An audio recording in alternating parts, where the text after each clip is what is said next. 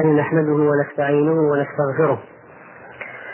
ونعوذ بالله من شرور أنفسنا وسيئات أعمالنا. من يهده الله فلا مضل له ومن يضلل فلا هادي له وأشهد أن لا إله إلا الله وحده لا شريك له وأشهد أن محمدا عبده ورسوله.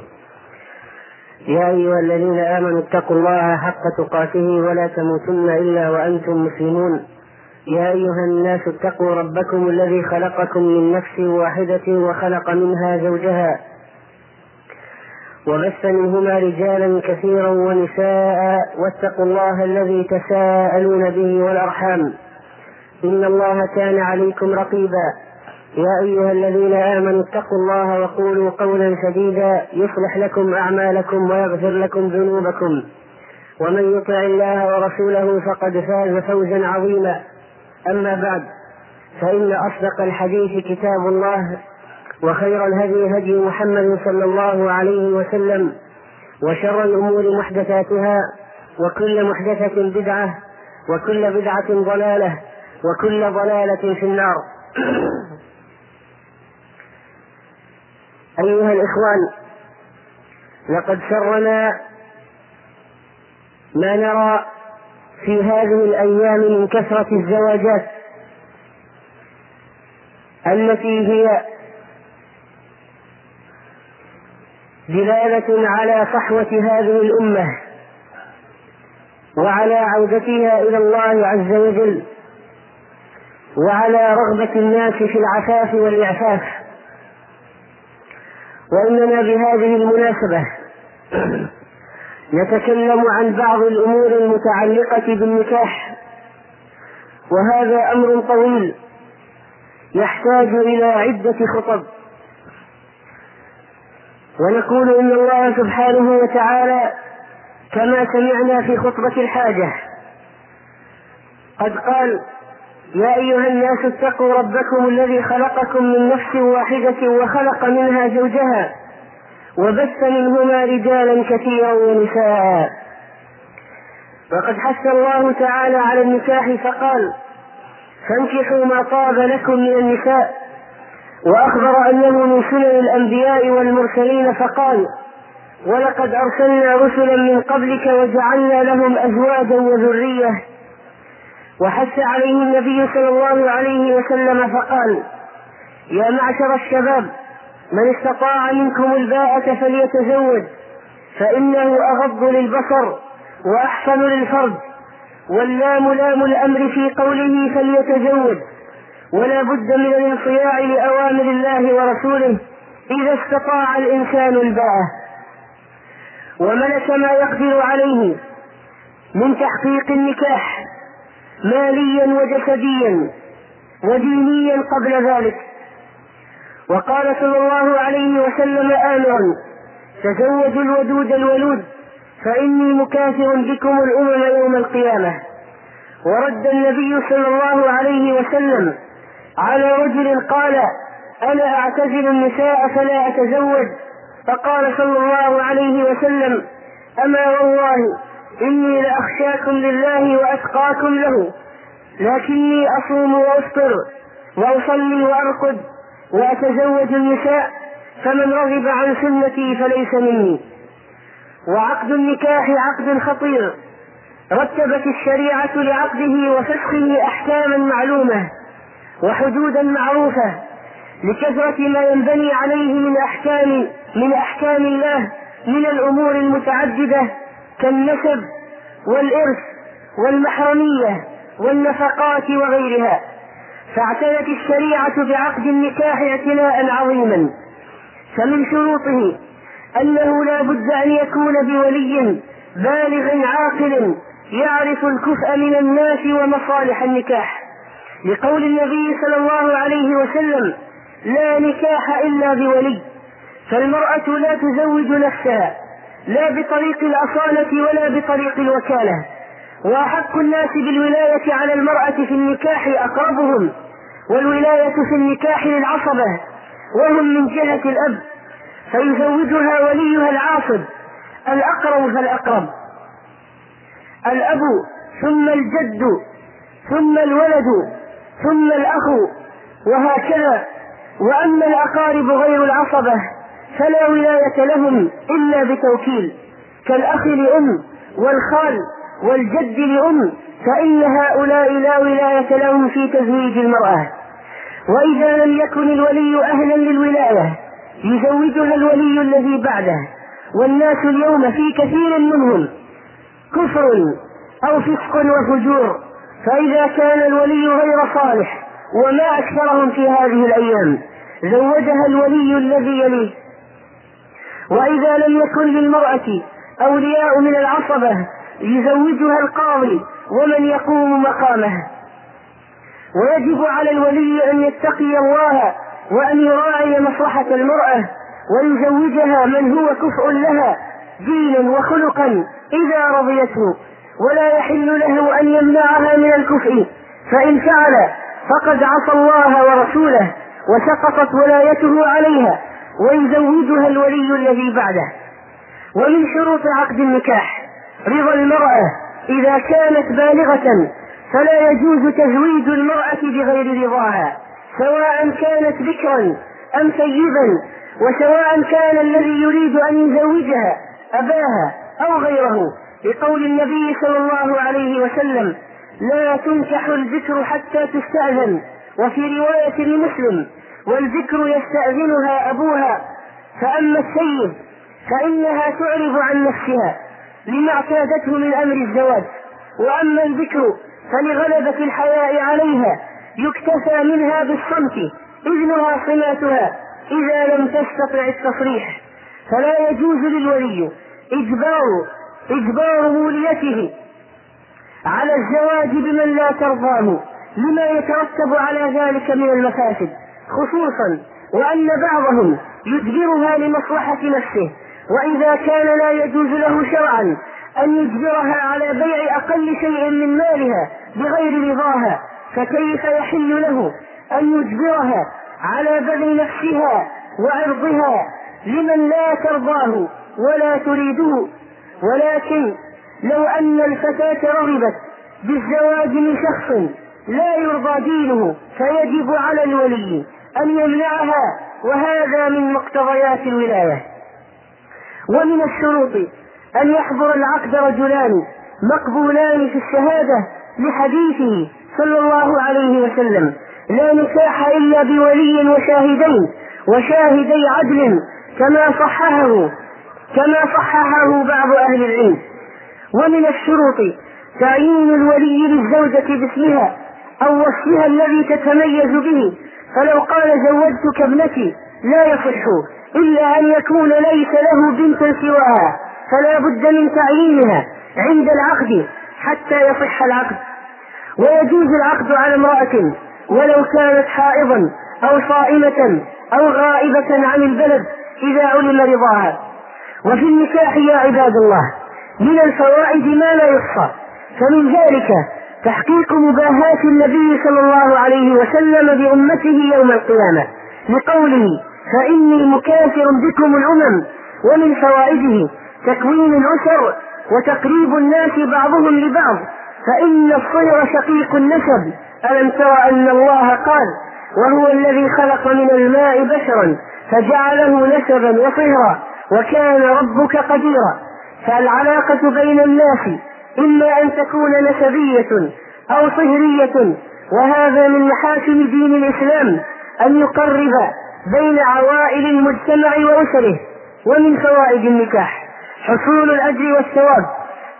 أولا بإعفاف النفس وأجر آخر بإعفاف المرأة وثالث بالإنفاق عليها ورابع بالقيام بحقوقها وخامس بابتغاء الولد وسادس أجر تربيته والولد الصالح يدعو لك وهكذا كلما زادت النية زاد الأجر والأجر على قدر النية والعمل. وهو سبب للغنى وكثرة الرزق. ليس كما يتوهم الماديون ضعاف التوكل.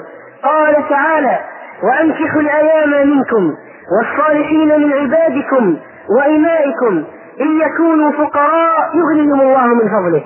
والله واسع عليم. وصح عنه صلى الله عليه وسلم أنه قال تزوجوا النساء فإنهن يأتين بالمال. تزوجوا النساء فإنهن يأتين بالمال. فلا صحة لما يقوله هؤلاء اليوم. إن الزواج مسؤوليات مادية مرهقة لا طاقة للناس للقيام بها. لكن متى يكون الزواج ميسرا؟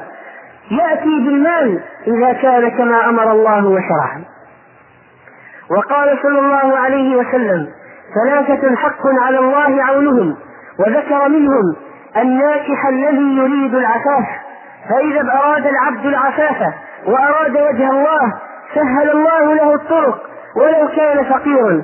فساعده الناس فقدم له هذا هدية ورعاه هذا في المهر وأعانه هذا بشيء من تكاليف الزواج وتنازل له هذا عن شيء من الديون وهكذا وهكذا. قال أبو بكر رضي الله عنه أطيعوا الله فيما أمركم به من النكاح ينجز لكم ما وعدكم من الغنى. ويتبين مما سبق أن ظاهرة عزوف كثير من الشباب اليوم ذكورا وإناثا عن الزواج بحجة إكمال الدراسة مثلا أن حجتهم داحضة عند ربهم فإنه إذا خشي على نفسه الوقوع في الحرام أو وقع فيه فعلا فلا مناص له من إعفاف نفسه. وهذا الزواج يسبب من الراحة النفسية وتفرغ الفكر واطمئنان القلب ما يعين على أمور الدنيا وماذا ينفع المرأة مثلا إذا أثبتت دراستها التي ليست بحاجة إليها وفاتتها سعادة النكاح ولذة الأولاد فلا تذكر بعد موتها. وهذا لا يعني أيها الإخوة عدم إعداد العدة للزواج والاجتراء عليه دون والاجتراء عليه دون أخذ الأسباب فلا بد من أخذ الأسباب. أما الذين لا يقدرون المسؤوليات ويريدون أن يتزوجوا دون أخذ بالأسباب الشرعية فإنهم أناس متهورون ينبغي عليهم أن يتعقلوا. لكن إذا صدقوا الله وأخذوا بالأسباب فإن الله في عونهم ولا شك. ومن الظلم الحاصل في المجتمع اليوم عضل المرأة وهو حبسها عن النكاح. ممن تريد الزواج به دون سبب شرعي. هذا الأمر الذي ورد النهي عنه في الكتاب العزيز. كما قال عز وجل فلا تعبدوهن أن ينكحن أزواجهن إذا تراضوا بينهم بالمعروف. نزلت في شأن المطلقات وهي عامة في مدلولها بعدم منع المرأة من الزواج بمن تريد الزواج به إذا كان كفءا لها دينا وخلقا. وهؤلاء الأولياء الذين يحدثون النساء مخالفون لقوله صلى الله عليه وسلم إذا أتاكم من ترضون دينه وخلقه فأنكحوه إلا تفعلوه تكن فتنة في الأرض وفساد عريض.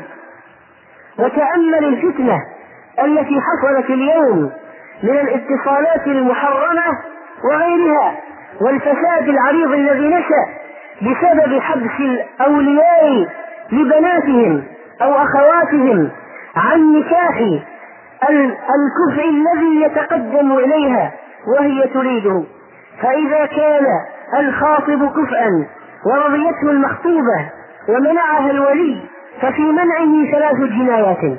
الأولى معصيته أمر الله ورسوله كما في الآية والحديث المتقدمين لأن منع الخاطب من حق أعطاه الله ورسوله إياه معصية ولا شك وظلم.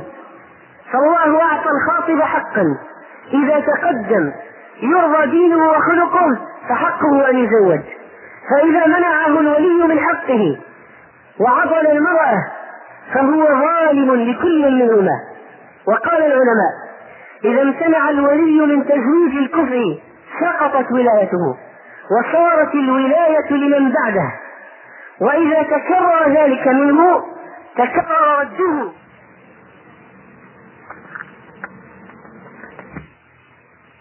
شرعي يرد هذا وهذا وهذا صار فاسقا عند العلماء. ناقص الإيمان والدين. حتى قال كثير من أهل العلم لا تقبل شهادته ولا تصح إمامته ولا ولايته ولا جميع أفعاله وتصرفاته التي يشترط لها العدالة لأنه لم يعد عدلا. صار فاسقا من تكرار رده للأكفاء الذين يتقدمون لمن ولاه الله أمرها. فيكون فاسقا بذلك تسقط عدالته وشهادته. وإذا منع أبناؤنا من التزوج ببناتنا فبمن يتزوجون؟ هل يذهب الناس إلى الخارج إلى أقاصي الأرض ليتزوجوا؟ وقد يتزوج امرأة كافرة مجهولة النسب سيئة الدين. ثم يقع بعد ذلك من الإشكالات ما يقع. هؤلاء الأولياء الظلمة الذين لا يرحمون من تحت أيديهم ممن ولاهم الله أمره أمورهن من النساء الضعيفات ويجعلون من المهر طريقا للكسب الحرام وأكل المال بالباطل. فإذا جاءهم الكفر في دينه وخلقه ولم يكن عنده ما يرضي طمعهم وجشعهم فكروا وقدروا ثم قتلوا كيف قدروا ثم نظروا ثم عبسوا وبشروا ثم أدبروا واستكبروا فقالوا البنت صغيرة. البنت تريد إكمال الدراسة. شاورتها فأبت وهو كذاب ما شاورها ولا أبت. وسيحاسبون يوم لا ينفع مال ولا بنون. إلا من أتى الله بقلب سليم. وبعض هؤلاء الظلمة يشترط لنفسه مالا غير مهر ابنته. فيقول أريد لي كذا ولزوجتي أم البنت كذا ومهر البنت كذا؟ ظلما لا حق لهم به يأكلون سحتا وحراما لأن الله لم يجعل لأن الله لم يجعل غير المهر للبنت لم يجعل من المهر شيئا للأب إلا برضا ابنته ويقول بعض هؤلاء الظلمة كيف يجترئ فلان أصلا أن يتقدم إلينا؟ هو لا يزوجه ولو كان كفءا ولكن بالإضافة إلى ذلك يقول كيف يجترئ أن يتقدم إلينا؟ كيف يجترئ هذا الوضيع أن يطلب ابنتنا كيف كانت له عين أن يطرق بابنا وهكذا. ثم بعد ذلك قد يزوجها حسيبا غنيا بزعمه لكنه لا يصلي ومن أرباب سفريات الفسق والفجور. فخان الأمانة التي ولاه الله إياها فحسبه عذاب الله يوم القيامة. ونعيد التأكيد على أنه لا يصح الانجراف وراء رغبة البنت إذا كان الخاطب غير كفء في الدين والخلق. إذا كان لا يرضى دينه ولا خلقه ولم يرد في الحديث أي شرط للخاطب غير الدين والخلق فاتق الله يا عبد الله في موليتك التي ولاك الله أمرها. أيها المسلمون ومن خطوات الشيطان في أمور النكاح المغالاة في المهور والمفاخرة فيها والزيادة في إدخال أشياء جديدة في المهر من أمور الشبكات والصالات تزيد الأمر كلفة وصعوبة حتى صار المهر في الوقت الحاضر مما يتعثر أو يتعذر على كثير من الناس. وقد قال صلى الله عليه وسلم إن من يمن المرأة تيسير خطبتها. إن من يمن المرأة تيسير خطبتها وتيسير صداقها وتيسير رحمها. قال عروة يعني تيسير رحمها للولادة. قال عروة وأنا أقول يقول عروة وأنا أقول من عندي ومن أول شؤمها أن يكثر صداقها. يقول عروة وأنا أقول من عندي ومن أول شؤمها أن يكثر صداقها حسنه في إرواء الغريب. وحتى القادرين على دفع المهور العالية ينبغي عليهم أن لا يغالوا في دفعها ولا يباهوا ويفاخروا في الزيادة فيها ابتغاء البركة. حتى القادرين. على دفع مهور عالية من الأغنياء. ينبغي عليهم أن لا يزيدوا في المهور ابتغاء البركة. فإذا دخل بزوجته أعطاها بعد ذلك ما شاء. أعطاها بعد ذلك ما شاء. وحتى لا يتسبب في حمل الآخرين على مباراته وتقليده.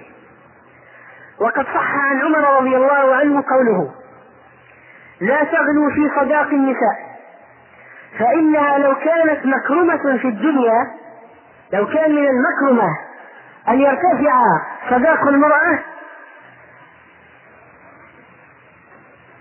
لو كان مكرمة في لو كانت مكرمة في الدنيا أو تقوى عند الله كان أولاكم بها النبي صلى الله عليه وسلم.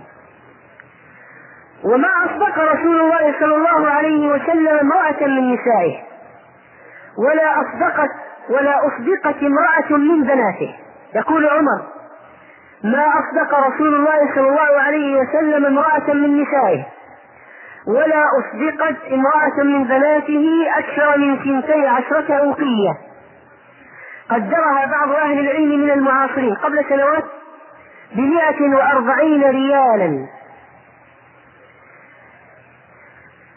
وليس هذا شرطا المئة والأربعين. ولكن المقصود بيان تيسير المهر في الشريعة. وكيف كان سنة النبي صلى الله عليه وسلم في هذا الأمر؟ واقترح بعض أهل العلم لتسهيل الأمر تعجيل بعض المهر وذلك بأن يقدم منه ما تدعو الحاجة إليه الآن للتجهيز. ويبقى الباقي في ذمة الزوج. وفي هذا تسهيل على الزوج ومصلحة للزوجة. قال بعض أهل العلم ولقد أعجبني رجلان فاضلان. أما أحدهما فخطبت ابنته فاشترط على الخاطب أن لا يدفع مهرا إلا كذا واشترط أم وسمى له شيئا يسيرا برضا الزوجة. وأما الثاني لما دفع إليه المهر أخذ منه أبو الزوجة. برضا الزوجة ما يمكن تجهيزها به تجهيزا معقولا. ثم رد الباقي عليه. وهكذا تكون الرجولة وتقدير المسؤولية والنظر في العواقب. فماذا تستفيد يا أيها الأب إذا كان زوج ابنتك مديونا لسنوات طويلة بعد زواجه؟ يكدح ويشقى. نفسيا وماديا لكي يعوض ويقدم ويسدد الديون التي تراكمت عليه بسبب اشتراطك لذلك المال عن سهل بن سعد أن امرأة عرضت نفسها على النبي صلى الله عليه وسلم. فأعرض عنها النبي صلى الله عليه وسلم ليس له بها رغبة. فقال رجل من الأنصار يا رسول الله إن لم يكن لك بها حاجة فزوجنيها. فقال ما عندك؟ قال ما عندي شيء. قال اذهب فالتمس شيئا. فرجع الرجل يقول ما وجدت شيئا. قال اذهب فالتمس ولو خاتما من حديد. فذهب ثم رجع فقال لا والله ما وجدت شيئا ولا خاتما من حديد.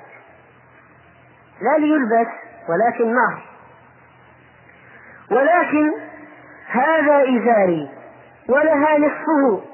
قال سهل الراوي وما له رداء كان فيهم فقر رضي الله عنهم. لم يفتنوا بالحياة الدنيا. هذا الرجل ليس له إلا إزار. يواري عورته وليس له رداء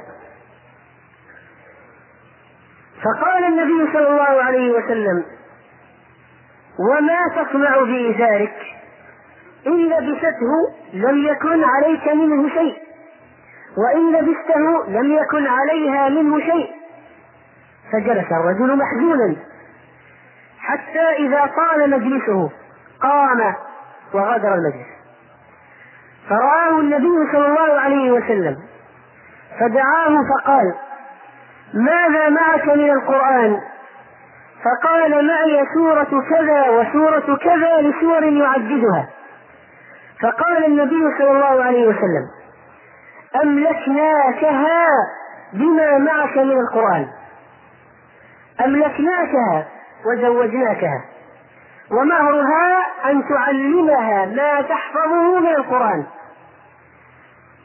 وهذا الحديث يدل على اشتراط المهر لأن الرسول صلى الله عليه وسلم أكد على الرجل أن يلتمس ويدل على أنه يجوز إذا لم يوجد مهر أن يكون المهر تعليم المرأة شيئا من أمور الدين أو تحفيظها شيئا من القرآن يحفظه الرجل. أما في الأحوال التي يكون فيها مال والحمد لله هو متوفر الآن وموجود فإن المهر لا بد منه وهو حق من حقوق المرأة. والكلام على النكاح وأمور الخطبة ومنكرات الأفراح كثير. وسيأتي عليه وسنأتي على بعضه إن شاء الله في خطب قادمة. تكلمنا أيها الإخوة في الخطبة الماضية بمناسبة كثرة ولائم النكاح في هذه الأيام. تكلمنا عن شيء عن شيء من شروط النكاح. وأهمية استئذان المرأة وعدم تزويجها إلا برضاها. وعن مشكلة المغالاة في المهور.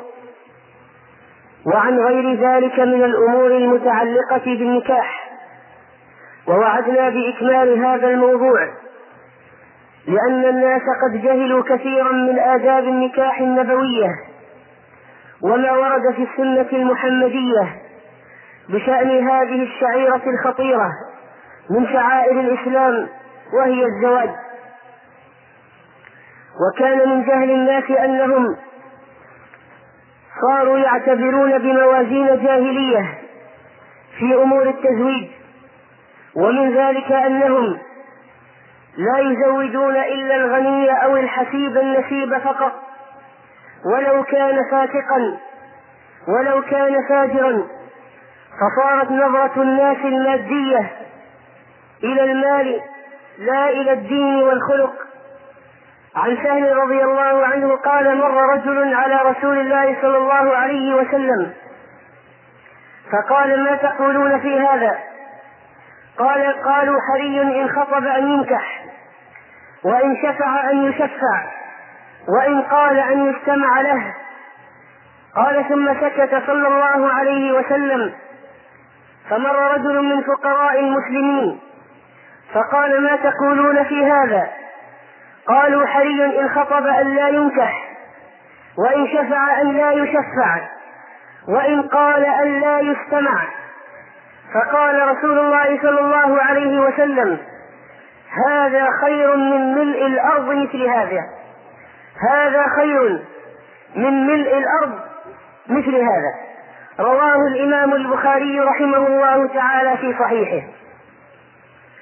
ولذلك كان هديه صلى الله عليه وسلم تزويج المعسر كما ذكرنا في الحديث ونعيده لأهميته. الحديث الذي رواه الإمام البخاري رحمه الله في أكثر من موضع في كتابه وعنون عليه تزويج المعسر لقوله تعالى إن يكونوا فقراء يغنهم الله من فضله عن سهل بن سعد الساعدي قال جاءت امرأة إلى رسول الله صلى الله عليه وسلم فقالت يا رسول الله جئت أهب لك نفسي. كما قال صلى الله عليه وسلم كما قال الله عز وجل في حق نبيه صلى الله عليه وسلم وامرأة مؤمنة إن وهبت نفسها للنبي إن أراد النبي أن يستنكحها خالصة لك من دون المؤمنين. قال فنظر إليها رسول الله صلى الله عليه وسلم فصعد النظر فيها وصوبه ثم قاطع رسول الله صلى الله عليه وسلم رأسه فلما رأت المرأة أنه لم يقض فيها شيئا جلست فقام رجل من أصحابه فقال يا رسول الله إن لم يكن لك بها حاجة فزوجنيها فقال وهل عندك من شيء؟ قال لا والله يا رسول الله. قال اذهب إلى أهلك فانظر هل تجد شيئا. أهمية المهر والصداق وأنه حق للمرأة. فذهب ثم رجع فقال لا والله ما وجدت شيئا.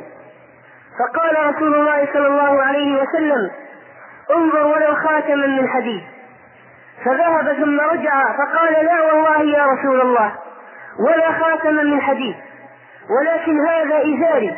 قال سهل الراوي ما له رداء ليس عليه إلا إزار فقط فلها نصفه.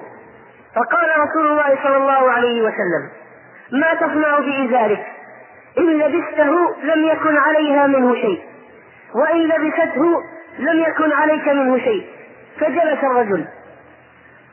حتى إذا طال مجلسه قام فرآه رسول الله صلى الله عليه وسلم موليا فأمر به فدعي. فلما جاء قال ماذا معك من القرآن؟ قال معي سورة كذا وسورة كذا عددها. فقال تقرأهن عن ظهر قلبك؟ قال نعم. قال اذهب فقد ملكتكها بما معك من القرآن. إذا أيها الإخوة من السنة تسهيل أمور الزواج وعدم تعقيدها. ومن السنة تزويج الرجل الكفء في الدين والخلق ولو كان فقيرا. وقد يكون الرجل ليس جميل الخلقة. قد يكون فيه دمامة ولكن الخير الذي في قلبه والإيمان الذي بين جوارحه ليدعو المؤمن اللذيذ إلى أن يزوج مثل هذا. ولو كان شكلا وظاهرا ليس من أصحاب الوسامة عن أنس رضي الله عنه قال كان رجل من أصحاب النبي صلى الله عليه وسلم يقال له جليبيب في وجهه تمامه فعرض عليه رسول الله صلى الله عليه وسلم التزويج فقال له جليبيب إذا تجدني كافدا يا رسول الله لا أحد يقبل بي لدمامة وجهي. فقال غير أنك عند الله لست بكافر رواه أبو يعلى وهو حديث حسن. هذا الرجل هذا الصحابي الجليل جليبيب رضي الله عنه سعى له في الزواج رسول الله صلى الله عليه وسلم بنفسه. ولعلنا نأخذ درسا أيها المسلمون من فعله عليه الصلاة والسلام. كيف سعى في التقريب؟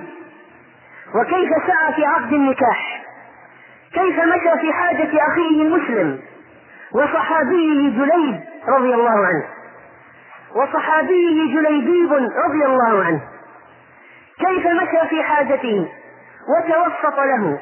وشفع له عند الناس حتى تزوج. صلى الله عليه وسلم علمنا المشي في حوائج الناس علمنا المشي في مشاريع التزويج. علمنا أن نشفع لإخواننا المسلمين عند العوائل وعند الناس كي يتزوجوا.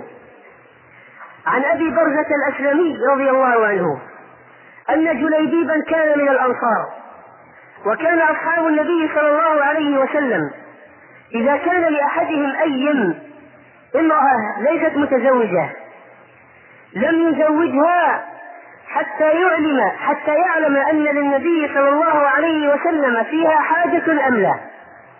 من كمال طاعتهم لرسول الله وأن رسول الله أولى بكل بكل مؤمن من نفسه.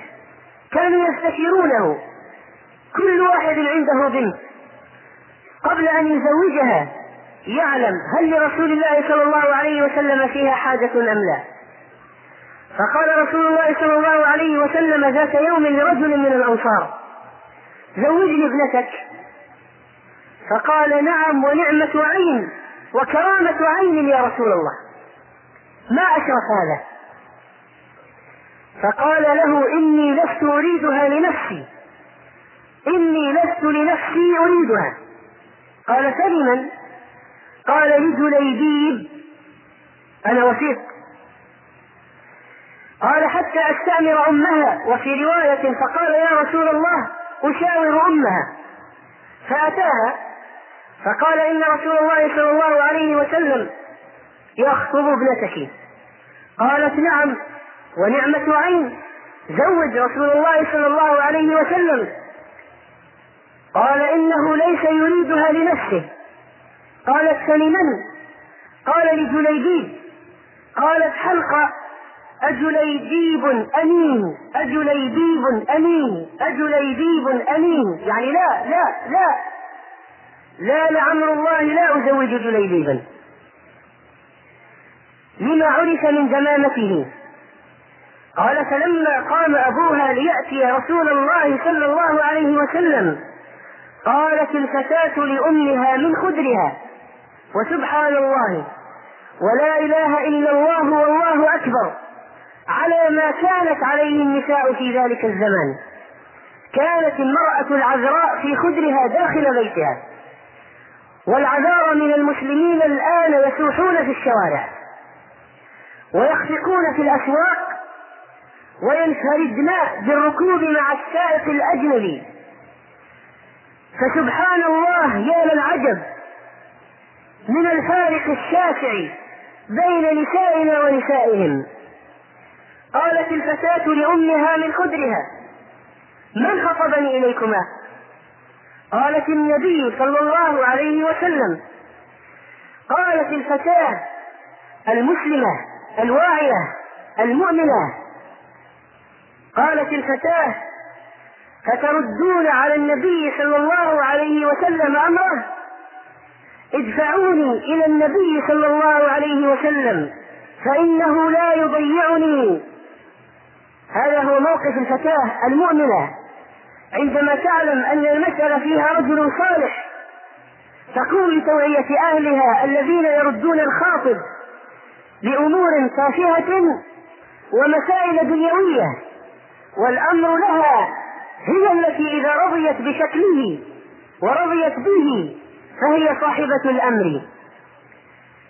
ادفعوني إلى النبي صلى الله عليه وسلم. فإنه لا يضيعني. يجب على الفتاة أن تقوم تقوم بإقناع والديها. ما استطاعت إذا تقدم صاحب الدين. فأتى أبوها النبي صلى الله عليه وسلم. فقال شأنك بها. فزوجها جليبيبا. فبينما النبي صلى الله عليه وسلم في مغزى له. وأفاء الله تبارك وتعالى عليه. فقال رسول الله صلى الله عليه وسلم في الغزوة بعد ذلك هل تفقدون من أحد؟ قالوا نفقد فلانا ونفقد فلانا. فقال النبي صلى الله عليه وسلم لكني أفقد جليجيبا فانظروه في القتلى. فنظروه فوجدوه إلى جنب سبعة قد قتلهم ثم قتلوه. تناوش معهم. فجرح جراحات بليغة ولكنه قتلهم ثم مات مقتولا. رضي الله عنه شهيدا. قال فوقف النبي صلى الله عليه وسلم وقف عليه. فقال قتل سبعة ثم قتلوه. هذا مني وأنا منه. هذا مني وأنا منه. هذا مني وأنا منه. ثم حمله رسول الله صلى الله عليه وسلم على ساعديه. ما له سرير غير ساعدي النبي صلى الله عليه وسلم حتى حفر له ثم وضعه في لحده وما ذكر غسلا رضي الله عنه. صدق الله فصدقه الله. قال ثابت راوي الحديث فما كان في الأنصار أيم أنفق منها. هذه المرأة زوجة جليبيب ما كان في الأنصار أيم أنفق من النفاق ضد الكساد. أي أن هذه المرأة كانت أعظم امرأة أيما في بيوت المدينة يتسابق إليها. يتسابق إليها الخطاب بعد موت جليبيب. ببركة كونها رضيت بجليبيب رضي الله عنه. وبركة دعاء النبي صلى الله عليه وسلم لها لما رضيت به دعا لها بالبركة وتكثير المال كما في رواية. إذا أيها المسلمون من جاءنا على دين وخلق زوجناه وسعينا له عند الناس ليتزوج لا يردنا فقره ولا دمامته ولا قلة حسبه ونسبه. فدعوا المعايير الجاهلية جانبا وتفطنوا لإقامة البيوت الإسلامية التي تتكون من الرجل الصالح والمرأة الصالحة. ثم نقول لهؤلاء الذين يتقدم إليهم أناس فيسألونهم أو يسألون عنهم ماذا عندهم من الأموال. فإن جاءه طالب قال أنت طالب وليس لك دخل مادي ارجع. والله يقول إن يكونوا فقراء يغنيهم الله من فضله. وأنكحوا الأيام منكم والصالحين من عبادكم وإمائكم إن يكونوا فقراء يغنيهم الله من فضله. وأما صفات المرأة المطلوبة في النكاح فقد قال صلى الله عليه وسلم تنكح المرأة لأربع لمالها ولحسبها ولجمالها هذه الاعتبارات الدنيوية ولدينها. فاظفر بذات الدين كربت يداك قدم الدين على المال والحسب والجمال. فإنها أمور زائلة دنيوية ولا يبقى لك عند الله إلا دين هذه المرأة. وقال صلى الله عليه وسلم الدنيا متاع وخير متاع الدنيا المرأة الصالحة. وقال ليتخذ أحدكم قلبا شاكرا ولسانا ذاكرا وزوجة مؤمنة تعينه على أمر الآخرة. وفي رواية وزوجة صالحة تعينك على أمر دنياك ودينك. خير ما احتنز الناس. وقال عن أركان السعادة الأربعة فمن السعادة المرأة الصالحة تراها فتعجبك. وتغيب عنها فتأمنها على نفسها ومالك. ومن الشقاء المرأة تراها فتسوءك وتحمل لسانها عليك وإن غبت عنها لم تأمنها على نفسها ومالك. إن جمال المرأة مهما كان ليرى سيئا إذا كانت سيئة الخلق سليطة اللسان. وإن المرأة مهما كان جمالها متدنيا ترى حسنة بطيب لسانها وصلاح دينها وحسن عشرتها. فلهذا نبه رسول الله صلى الله عليه وسلم على صفات المرأة الصالحة. فنقول لمع هؤلاء الشباب الذين يتشرفون في أمور الجمال شروطا معقدة لا تكون موجودة إلا على غلاف بعض المجلات. نقول لهم ليس من العيب أن تشترطوا الجمال ولا هو من المذموم أن تبحثوا عن المرأة الجميلة. لكن إذا تعارض الجمال والدين فماذا تقدم؟ هذه هي المسألة المهمة. ثم أن الناس لما تركوا غض البصر ونظروا على صفح في صفحات المجلات وفي الأفلام والمسلسلات وفي الأسواق صار لا يعجبهم شيء لأن من سيئات إطالة النظر وعدم غض البصر عدم القناعة بما هو موجود. فالرجل عندما ينظر إلى المرأة في الخطبة أو إذا تزوجها فإن هذا فإن هذا هذه السلسلة من الصور المتراكمة في ذهنه من جراء النظر في فتيات الغلاف في المجلات والنساء اللاتي يظهرن في الأفلام والمسلسلات تسبب عدم القناعة. فما أحكم الشارع حينما أمر بغض البصر؟ وبعض الناس يتصورون أن ذلك المجتمع الفلاني كل النساء فيه جميلات لأن فتاه الغلاف منه وما يدريه لو مشى في شوارع ذلك المجتمع. كم من القبح سيرى؟ وهل يعلم أو لا يعلم؟ أن من مخططات اليهود انتقاء النساء من نساء المجتمع بعرضهن في الأفلام والمجلات لتسبيب الفتنة ونشر الحرام بين الناس. وقد ندب الشارع إلى الزواج بالبكر. فعن جابر قال قال لي رسول الله صلى الله عليه وسلم هل نكحت؟ قلت نعم. قال أبكرا أم سيبا؟ قلت سيبا. قال فهلا بكرا تلاعبها وتلاعبك وتضاحكها وتضاحكك وفي رواية لمسلم وبمعناه للبخاري وأحمد. فأين أنت من العذارى ولعابها؟ لعبتها قلت يا رسول الله قتل أبي يوم أحد وترك سبع بنات.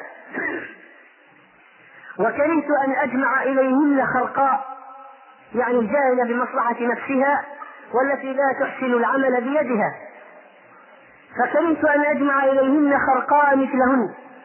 ولكن امرأة تنشطهن وتقيم عليهن. قال أصب وفي رواية فإنك نعم ما رأيت وجعله بخير. وقال صلى الله عليه وسلم عليكم بالأبكار فإنهن أنفق أرحاما وأعذب أفواها وأرضى باليسير وفي رواية وأقل خبا أي خداعا.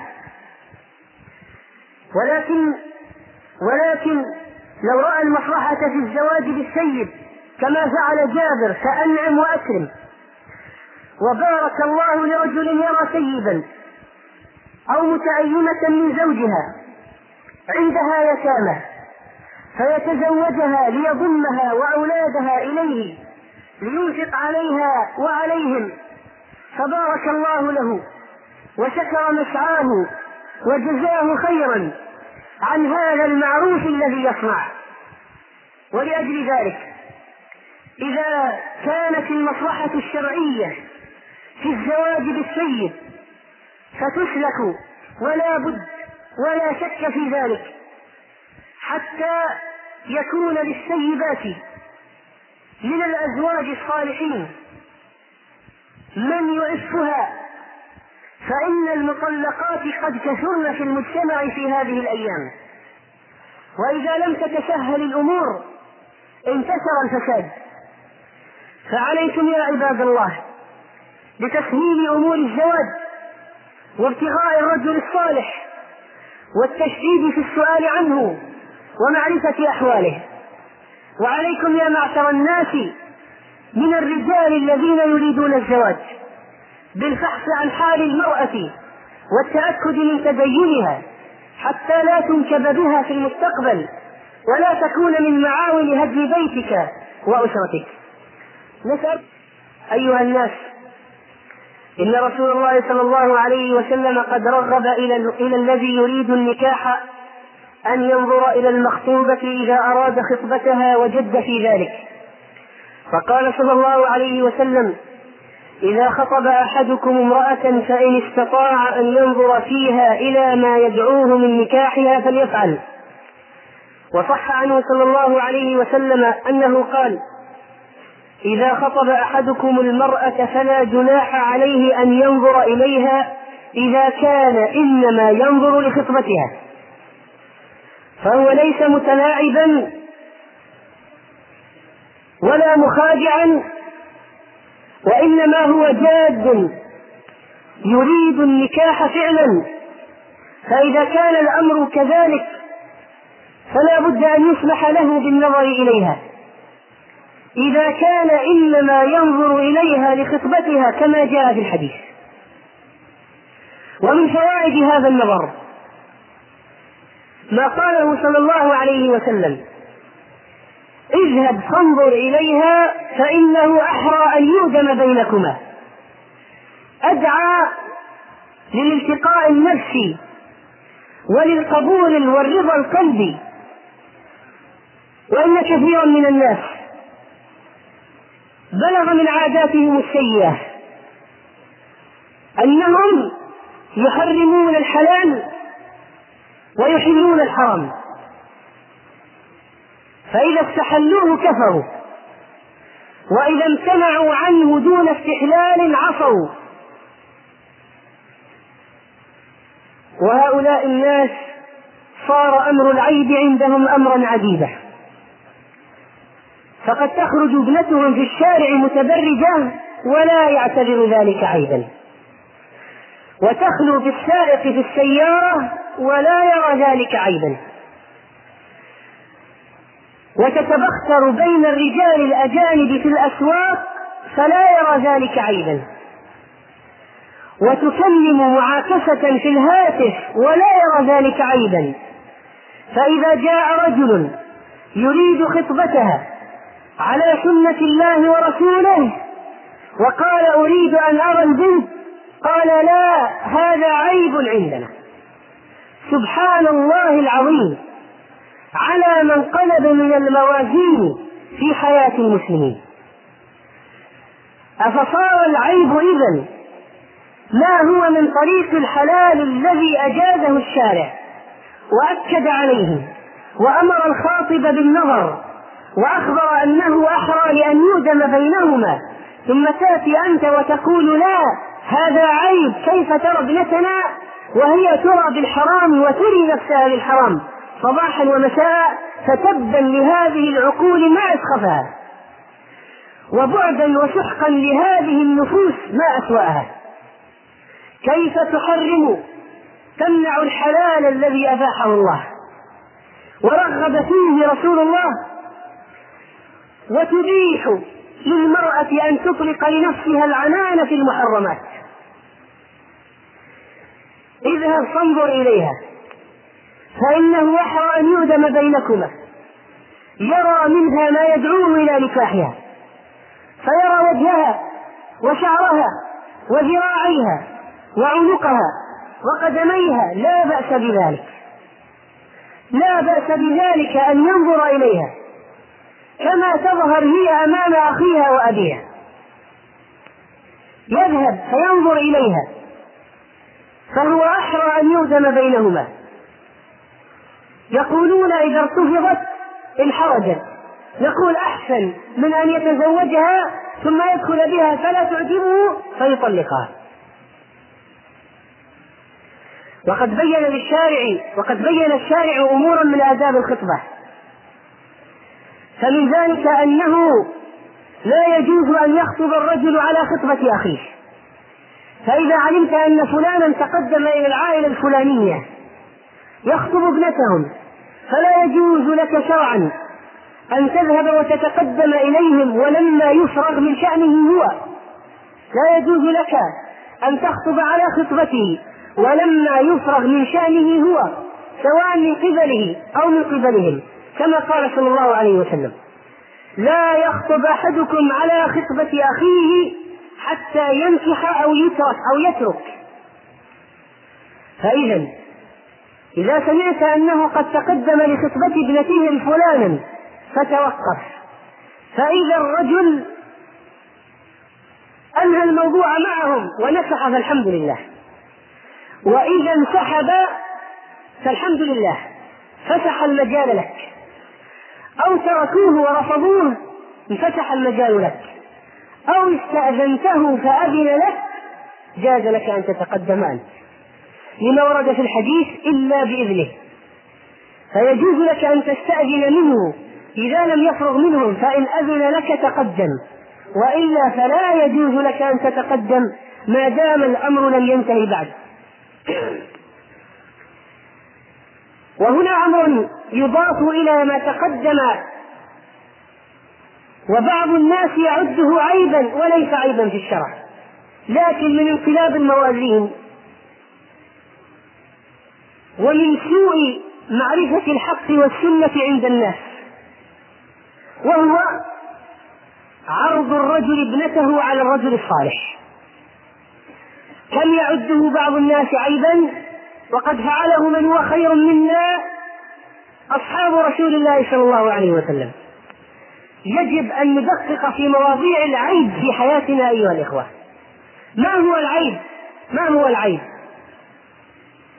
العيب الذي حرمته الشريعة وكرهته الشريعة الذي تنفر منه نفوس كرام الناس والشيم والفطر السليمة وأما العيب المبني على عادات جاهلية وأمور ما أنزل الله بها من سلطان فالعيب أن يقال عنه أنه عيب. قال البخاري رحمه الله باب عرض الإنسان ابنته أو أخته على أهل الخير. عن عمر بن الخطاب رضي الله عنه حين المدينة أيمت حفصة بنت عمر من خنيس بن حذافة السهمي وكان من أصحاب رسول الله صلى الله عليه وسلم فتوفي بالمدينة. لما مات زوج حفصة بنت عمر. قال عمر بن الخطاب أتيت عثمان بن عفان فعرضت عليه حفصة. فقال سأنظر في أمري. فلبثت ليالي ثم لقيني فقال قد بدا لي أن لا أتزوج.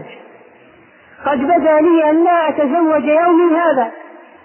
قال عمر فلقيت أبا بكر الصديق فقلت له إن شئت زوجتك حفصة بنت عمر. فصمت أبو بكر فلم يرجع إلي شيئا. وكنت أوجد عليه مني على عثمان. عثمان على الأقل اعتذر. اعتذر اعتذارا مؤدبا. أما أبو بكر سكت ولكنه ما سكت الصديق إلا لأمر. إلا لأمر مهم. وكنت أوجد عليه مني على عثمان. فلبثت ليالي. ثم خطبها رسول الله صلى الله عليه وسلم. فأنكحتها إياه. فلقيني أبو بكر. فقال لعلك وجدت علي حين عرضت علي حفصة فلم أرجع إليك شيئا. هذا من آداب الأخوة. المصارحة والمكاشفة حتى يزول ما في النفوس. قال عمر قلت نعم. بصراحة نعم. وكثير من الناس اليوم إذا جرى بينه وبين أخيه شيء فقال له الآخر يحاول أن يستلطفه لعلك وجدت عليه نفسك لا لا لا, لا أبدا. وهو ما زال يجد عليه في نفسه إلى تلك اللحظة. كذب. قال عمر قلت نعم.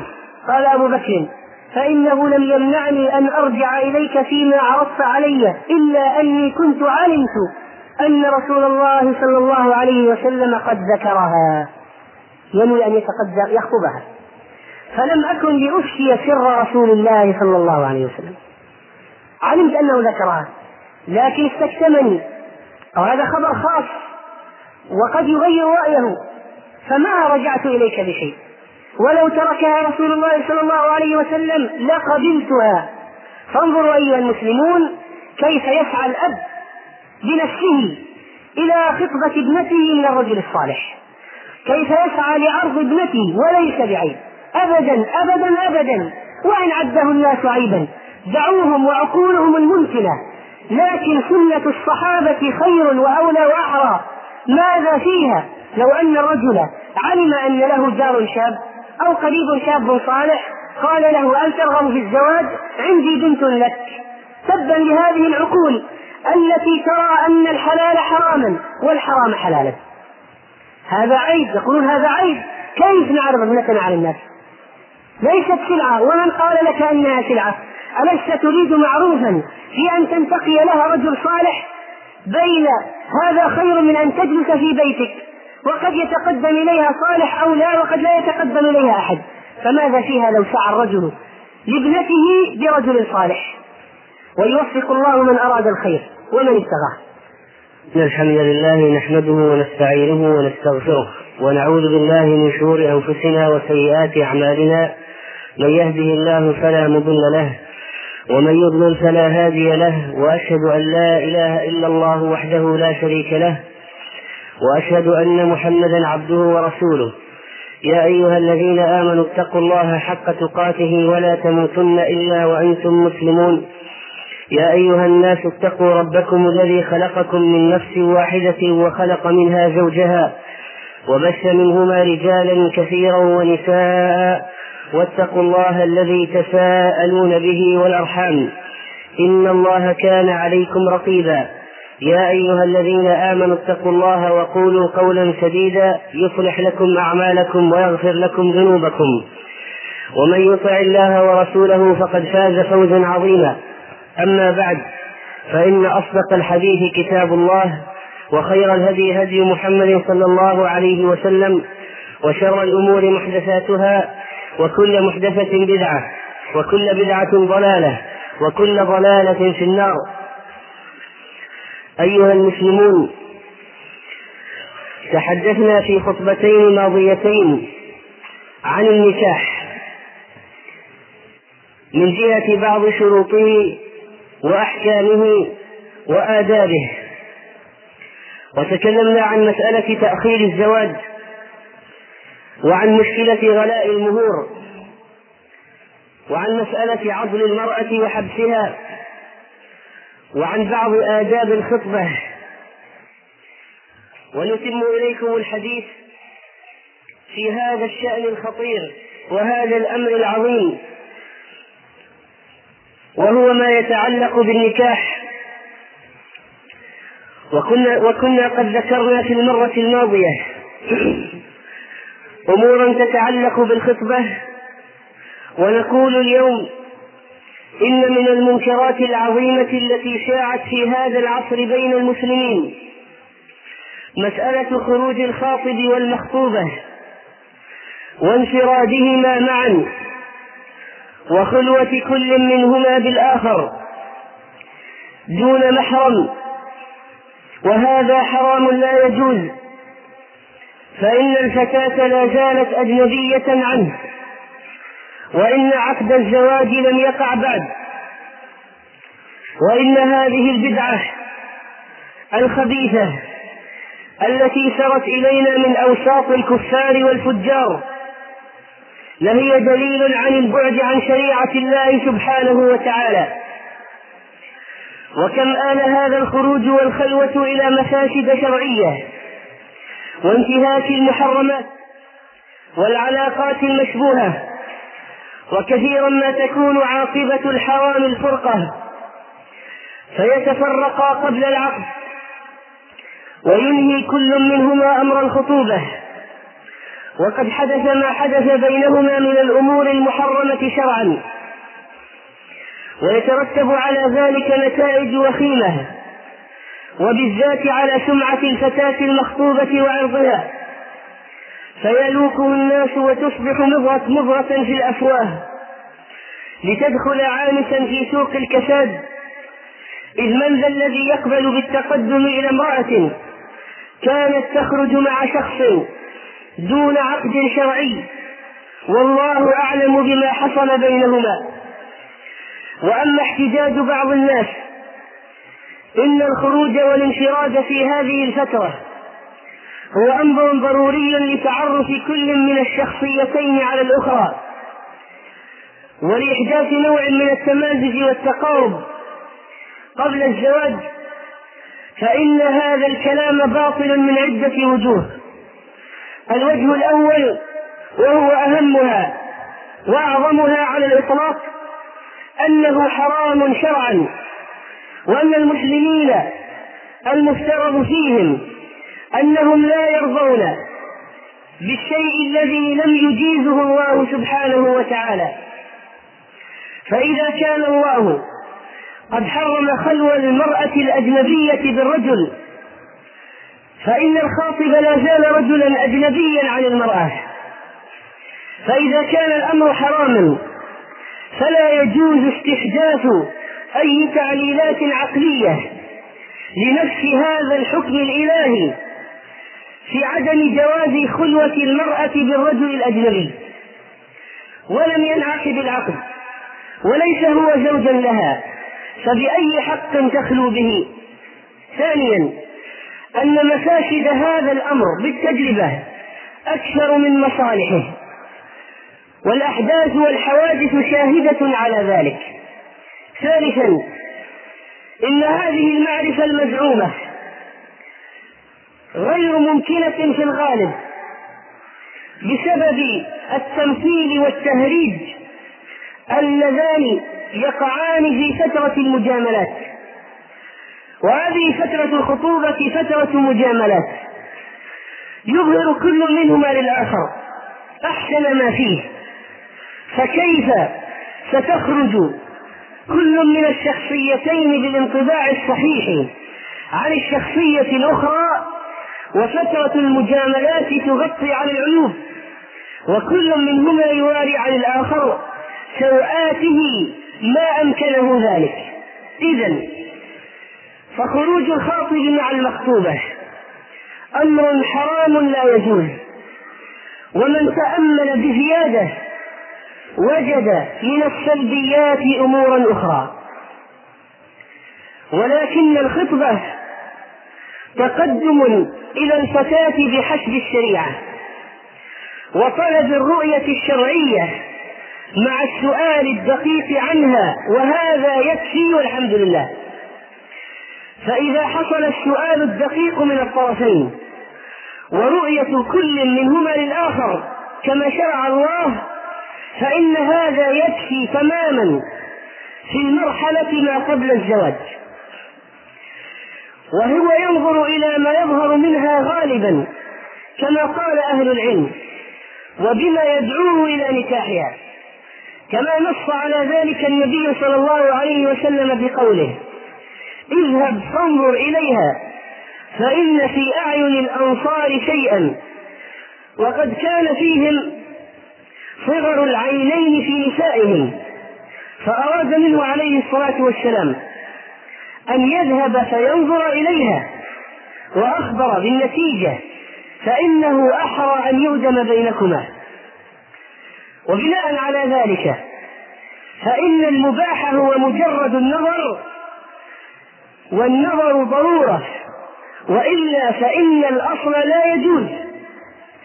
الأصل أن نظر الرجل الأجنبي إلى المرأة الأجنبية حرام لا يجوز إلا لضرورة كنظر الخاطب إلى المخطوبة ونظر الطبيب إلى مكان العلاج في المرأة التي لا تجد طبيبة ونظر الشاهد في المحكمة والقاضي ونحوهما.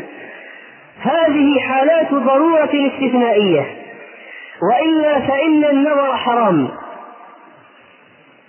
وبناء على ذلك فإن فإن النظر ضرورة والضرورة تقدر بقدرها.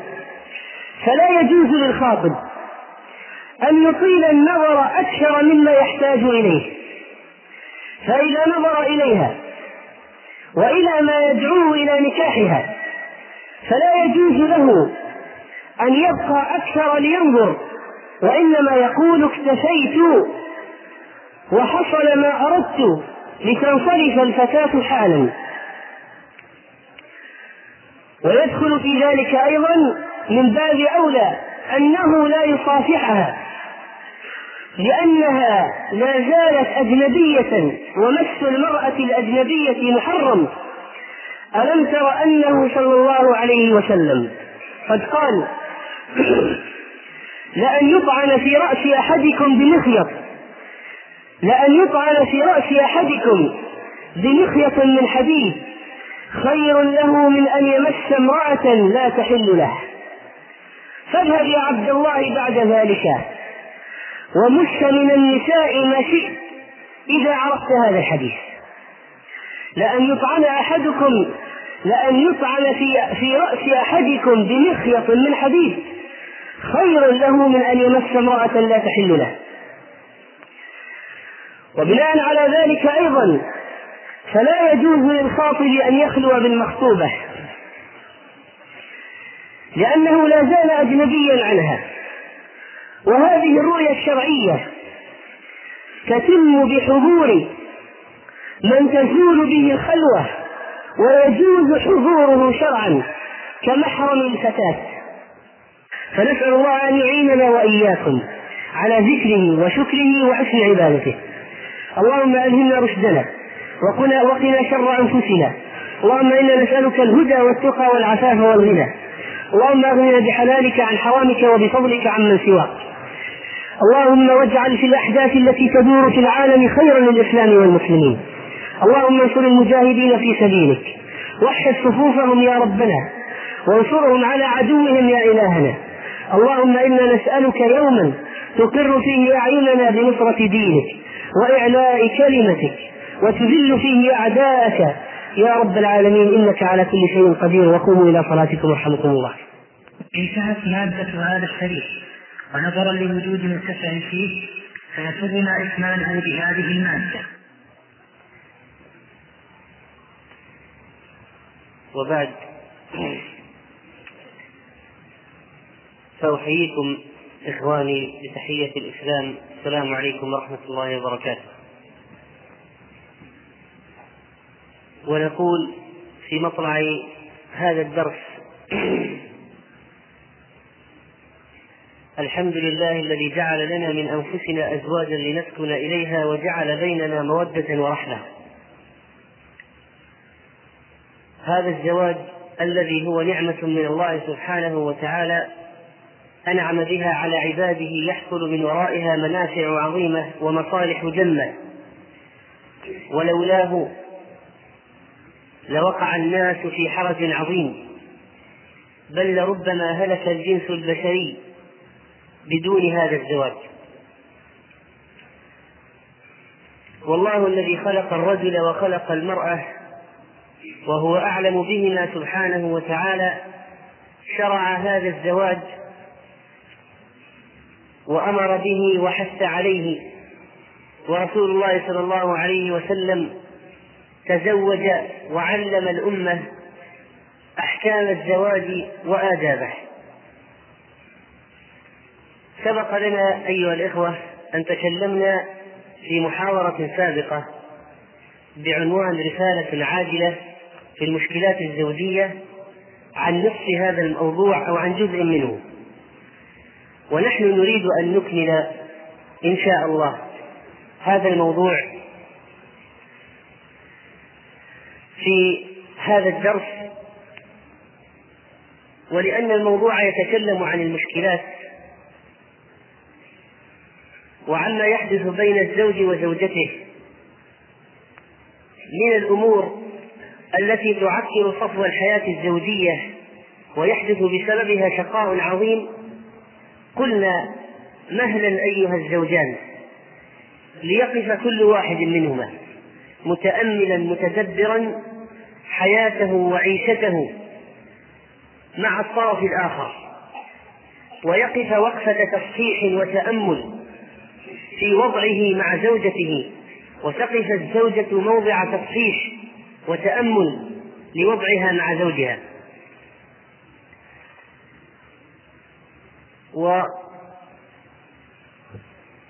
ولعل كل واحد إذا سمع عن شيء من المشكلات في هذا الدرس ليست عنده ولا يعاني منها فليحمد الله على العافية. ويسأل الله المزيد من فضله. فإنكم ربما تسمعون أيها الإخوة من غرائب الأحداث والأخبار التي تحصل في المجتمع والتي نريد أن نذكرها ونقف عندها ونلقي مزيدا من الضوء عليها لأن المشكلات موجودة بالفعل ولأن هذه المشكلات من الخطورة بحيث تهدد كيان هذا المجتمع. وكثرة إحداث حوادث الطلاق. وتفشي الأخبار السيئة عن هذا الموضوع هو الذي يجعل لزاما تكرار الكلام فيه وبسط الكلام والتوسع من أجل لمس الأوتار الحساسة في هذه القضية. وقد تكلمنا في المحاضرة الماضية الجزء الأول عن أمور منها الموقف من الزوج الكافر المستهزئ بدين الله التارك لفرائض الله الذي يرتكب الفواحش ومسألة الخيانات. والزوج الذي يقاوم الخير والزوجة الفاسقة الفاجرة في المقابل. وتكلمنا عن المراحل التي تمر بها العلاقة الزوجية وعن بعض المشكلات مثل معايرة الزوجة والسب والشتم وقضية العناد والزوج البخيل والمرأة الجبانة وهكذا من المشكلات. إنما كان هذا تلخيصا لبعض النقاط التي أوردناها في المرة الماضية. ونقول إجابة على سؤال طرح في المحاضرة الماضية ما هو الموقف من الزوج الفاجر؟ أما الزوج الكافر فلا يجوز للمرأة المسلمة أن تبقى معه أبدا. فإن الله سبحانه وتعالى يقول لا هن حل لهم ولا هم يحلون لهم. وأما الزوج الفاجر الذي يرتكب كبائر وتسبب هذه الكبائر مشكلات كثيرة للزوجة وشقاء ونكدا وتعاسة فإن المرأة تضطر للموازنة بين الأمور ومعرفة المصالح والمفاسد للتقرير في استمرارها مع هذا الرجل الفاجر من عدم الاستمرار. وقد تضطر المرأة لاحتمال أدنى الضررين. من أجل درء مفسدة أكبر هب أن امرأة مثلا اكتشفت أن زوجها له علاقة بالهاتف مثلا ببعض النسوة وعندها منه أولاد. وهذا الرجل بفجوره ينغص حياة زوجته. ولكن هذه المرأة قد توازن فترى أن تركها لزوجها قد يوقعه في فواحش. وأن معصيته الآن قد وصلت إلى درجة معينة وقد تزداد سوءا لو فارقته. وأن الأولاد من جهة أخرى قد يضيعون. ومهما حاولت فيه لم تر تحسنا فماذا تفعل؟ فنقول ربما كان صبرها عليه ودعاؤها له مع البلية التي فيه هو أخف الضررين. ومع الألم النفسي الذي يعتور المرأة من سماع أحاديثه وفسقه وفجوره وهو يواعد هذه ويتكلم مع هذه ويطلب من هذه أن تخرج معه إن هذا الوضع يشكل ضغطا نفسيا كبيرا على المرأة ولكن ماذا تفعل؟ وقد يكون السبب أنها أنتقلت من بيت دين وخير إلى رجل لم يسألوا عنه ولم يتحروا فاكتشفت بعد سنوات من الزواج أنجبت أولاد وبنات أن له علاقات معينة. وقد يظلمها ويضربها ولا تطيقه. وهذه امرأة تشتكي من وجع يدها من الضرب ثلاثة أشهر وهي تتحسر ولكن ماذا تملك أن تفعل؟ والمرأة ضعيفة في الغالب. فهذا جواب سريع على السؤال الذي طرح في المرة الماضية عن موقف من الرجل الفاجر. وأما المشكلات التي سنتكلم عنها في هذه الليلة فإن النظر في أنواع المشكلات يرجعها إلى أسباب عدة. فمن الأسباب ما يكون في الزوج والزوجة داخليا مثل الإهمال وعدم الإحساس بالمسؤولية. ثانيا التسلط. ثالثا التدخل فيما لا يعني. رابعا سوء الظن. خامسا عدم التوافق النفسي. سادسا اعتقادات فاسدة. سابعا وسوسة. ثامنا فارق التعليم. تاسعا فارق الطبقة الاجتماعية. عاشرا عدم القناعة بالأمور المادية. الحادي عشر الغيرة المذمومة الثاني عشر الرتابة في الحياة. و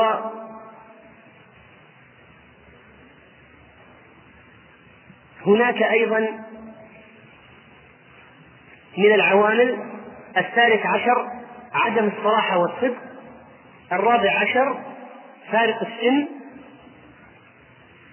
وهناك عوامل خارجية. تسبب المشكلات. مثل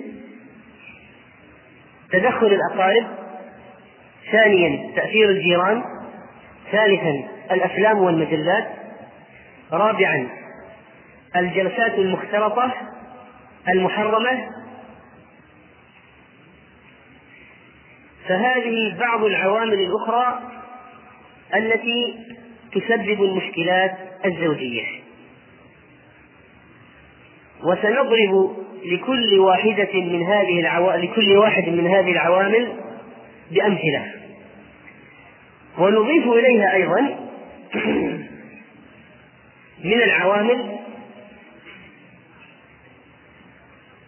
عدم معرفة الشخص الصحيح الذي يلجأ إليه عند حصول الإشكالات فيتم الذهاب إلى العرافين والدجالين والسحرة الذين يسرقون أموال الناس وينهبونها.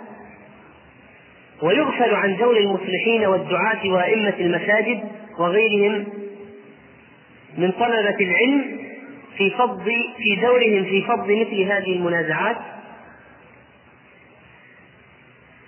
ونبدأ مستعينين بالله تعالى في تبيان أمثلة لهذه المشكلات وما هي النصائح فيها. تقول امرأة زوجي يعمل أعمالا حرة ولا يرجع أحيانا إلا في الساعة الثالثة أو الرابعة ليلا ولا يأتي على وجبة الغداء ولا نراه إلا نادرا ونصحته فقال هذا شغلي فإذا أردتني هكذا وإلا مع السلامة وهي تقول له انتبه لأهلك ولأولادك أنا امرأة شابة إذا مرض الولد ماذا أفعل؟ هل آخذه بسيارة الأجرة لوحدي؟ وهو مع ذلك مهمل بالبيت وتقول أن بإمكاني أن أطلب الطلاق ولكن ماذا يفعل أطفالي؟ كم إجازة تذهب وتأتي وتذهب ولم أرى أهلي؟ وإذا ذهبت إلى أهلي فترة لا يسأل عني ولا يأتي لأخذي وأقول له وأنصحه نظم وقتك وانتبه لنا. ولا أقول لك لا تعمل ولكن بالحدود ولا فائدة. فنقول أن هذه مشكلة واضح فيها جانب الإهمال. وإن على هذا الزوج أن يتقي الله سبحانه وتعالى في زوجته. وأن يعلم بأن هذه المشاغل الدنيوية لن تنفعه عند الله يوم القيامة ما دام على هذا التفريط بزوجته. وإنه ينبغي لمثل هؤلاء الأشخاص هزات هزة قوية توقظهم من غفلتهم وسباتهم. وهذه حالة مشابهة. امرأة تقول لا يهتم بي وبابنتي لا يسأل عنا كل يوم مع أصحابه من الشباب وربما يحضر حلقات علم يعني في خير ويقرأ ويطلع ولكن معاملته مع الناس غير معاملته معي. بعد زواجنا ذهبنا للعمرة. فأخذت عمرة لإحدى قريباتي ولا زال يعيرني بها إلى الآن. هو متدين في نفسه ولكن معاملته شيء آخر. يسجل كل أخطائي ولا ينسى منها شيئا. أقول له في الإجازة خذنا مكان للترويح للعمرة فيرفض. ضربني ثلاث مرات وهو يعلم أني حامل في الشهر الثاني. وسوء معاملته يزداد. ويأخذني إلى أهلي يوما كاملا يرميني عندهم وبعد يومين يرجع لأخي وكلما أرجعني أبي إليه أعادني وتركني عند أهلي. ولا يسأل عن ابنته بالأيام إذا صارت عند أهلي. ويترك الناس يصرفون على العائلة.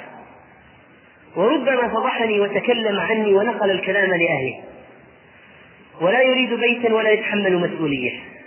ويعيش مع أهله الآن تاركا إياي عند أهلي ولا يسأل عن بنته. وربما تهدد أبي وقال له لولا أن المحاكم مقفلة في العطلة لكان لي معكم شأن آخر. وربما نصحه أهله ولكنه لا يستجيب. وهي حامل الآن وتقول هل يجوز لي الإجهاض؟ مع هذه الحالة التي أنا فيها. مرة أخرى نقول إن بعض الناس يظنون أن التدين في جوانب معينة فقد يكون يحافظ على الصلوات ملتزم بالسنن له أصحاب طيبون وربما يمارس الدعوة إلى الله ويطلب العلم ولكن الدين أيها الإخوة لا بد أن يشمل الجوانب الأخرى الحساسة في الحياة. لا بد أن يدخل الدين بنوره وهداه وأحكامه إلى البيت إلى العلاقة بين الزوجين إلى تربية الأولاد إلى الاهتمام بالأسرة. أما أن يكون مظهر التدين خارج البيت فإذا رجع انقلب وحشا كافرا أو رجلا مهملا شريرا فهذا ليس من الدين في شيء. فنقص التصور عن الدين ونقص التصور عن وجوب دخول الدين والإسلام في كل صغيرة وكبيرة هو الذي يفرز لنا مثل هذه المشكلات ومثل هؤلاء يحتاجون إلى تذكير بالله. وتبيان بأن هذا ظلم والله لا يحب الظلم ولا يرضى به. وربما محقت سيئات عمله هذا كثيرا من أعماله الحسنة التي يعملها خارج البيت.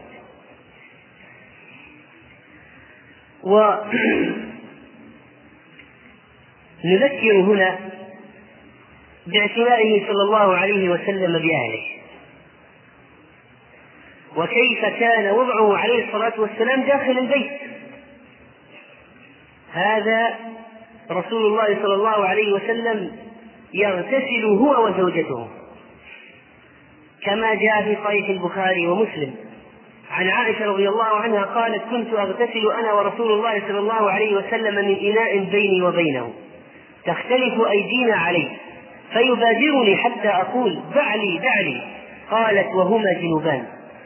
فهذا يداعب زوجته صلى الله عليه وسلم وهو يغتسل معها. في أعمق مكان في البيت وفي أخص شيء ولا زالت العلاقة موجودة بهذه اللطافة وهذا الحسن في المعاشرة. ضرب لنا مثلا صلى الله عليه وسلم بحياته فهل تأسينا به؟ ومن أسباب المشكلات كذلك إهمال الزوج في الإصلاحات داخل البيت.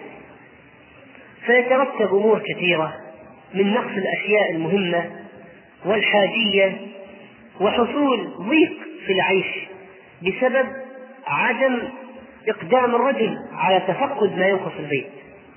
وربما جلست ورقة الأغراض في جيبه أياما ولا يحرك ساكنا. وربما تعطلت أشياء تحتاج إلى إصلاح وهو لا يأتي بمن يصلحها. وهذا لا شك أنه يسبب ضيقا للزوجة التي تعمل في البيت وتتعطل عندها الأشياء. فكيف إذا كانت الأشياء تسبب روائح كريهة ونحو ذلك من الأمور التي لا تطاق؟ والزوج خارج البيت يتنقل والزوجة تعاني من هذه المشكلات. وفي المقابل يوجد زوجات صاحبات طلبات كثيرة لا تنتهي. مرهقة للزوج ومزعجة. مرهقة ماليا وجسديا. فنقول لهؤلاء النساء اتقين الله سبحانه وتعالى في أزواجكن. ولا تكلف امرأة منكن زوجها ما لا يطيق. وإن هذا من الأمور التي تخالف واجب المرأة نحو زوجها. ولنأخذ مثالا مثلا.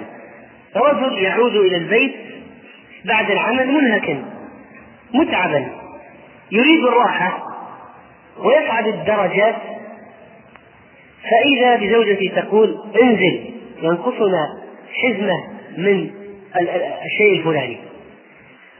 مع أن حسن التصرف يقتضي أن يذهب أن أن تعد المرأة ما يحتاج إليه البيت وما يحتاج إليه الطعام مثلا من الأمور حتى يأتي بها الرجل في أثناء عودته أو تتصل به لتخبره بدلا من أن تنزله أكثر من مرة أحيانا ليشتري الأشياء وقد جاء لتوه من العمل. وهذا من الأمور التي تسبب التضايق. نعم قد يحدث ذلك أحيانا. ولكن أن يتكرر دائما بحيث ينزل الرجل يشتري الأغراض وهو في مثل هذه الحال فهذا يكون شيء مزعج. ومن المشكلات أيضا التي تنتج عن الإهمال وعدم الشعور بالمسؤولية؟ هذه حالة امرأة. لا يوفر لها زوجها الطعام في البيت وقد ينام الأولاد على جوع والزوجة توفر من مالها من مالها الخاص لشراء الحاجيات. ولا يوجد صابون ولا الغسيل ولا منظف ولا ملابس كافية للأطفال ولا يشتري الطفل إلا يشترى للطفل إلا حذاء واحدا. في فترة طويلة وقد تكبر قدم الطفل ويحتاج إلى حذاء ولا يوجد له حذاء. وهو لا يربي أولاده ولا يراقبهم. يأكل ويذهب للعمل وهي تخرج إلى الشارع لمراقبة الأولاد والبحث عنهم وهو يفلت الأولاد. وقد يمنعها الطبيب من الوقاع لمرض أثناء الحمل وهو يرغمها على ذلك ولا يراعي ظرفها الصحي ويقول لها إن الملائكة تلعنك. تمشي في البيت ودمعتها على خدها. ويقول لها مهينا هات حذائي وهو تحته. وإذا طلب منها كأس ماء فلا بد أن تقف طيلة الوقت حتى يشرب هو من باب الإذلال. وكيف كيف يكون لهذه المرأة نفسية أن تتزين لزوجها؟ وهذا الإهمال قد يتعدى إلى صحة المرأة فقد تحتاج إلى عمليات جراحية أو أخذ إلى الطبيبة ونحو ذلك وهو لا يفعل. ومع ذلك يتهددها بالزواج بأخرى ويقول أنت امرأة عاقة وعاصية لا تعملين في البيت.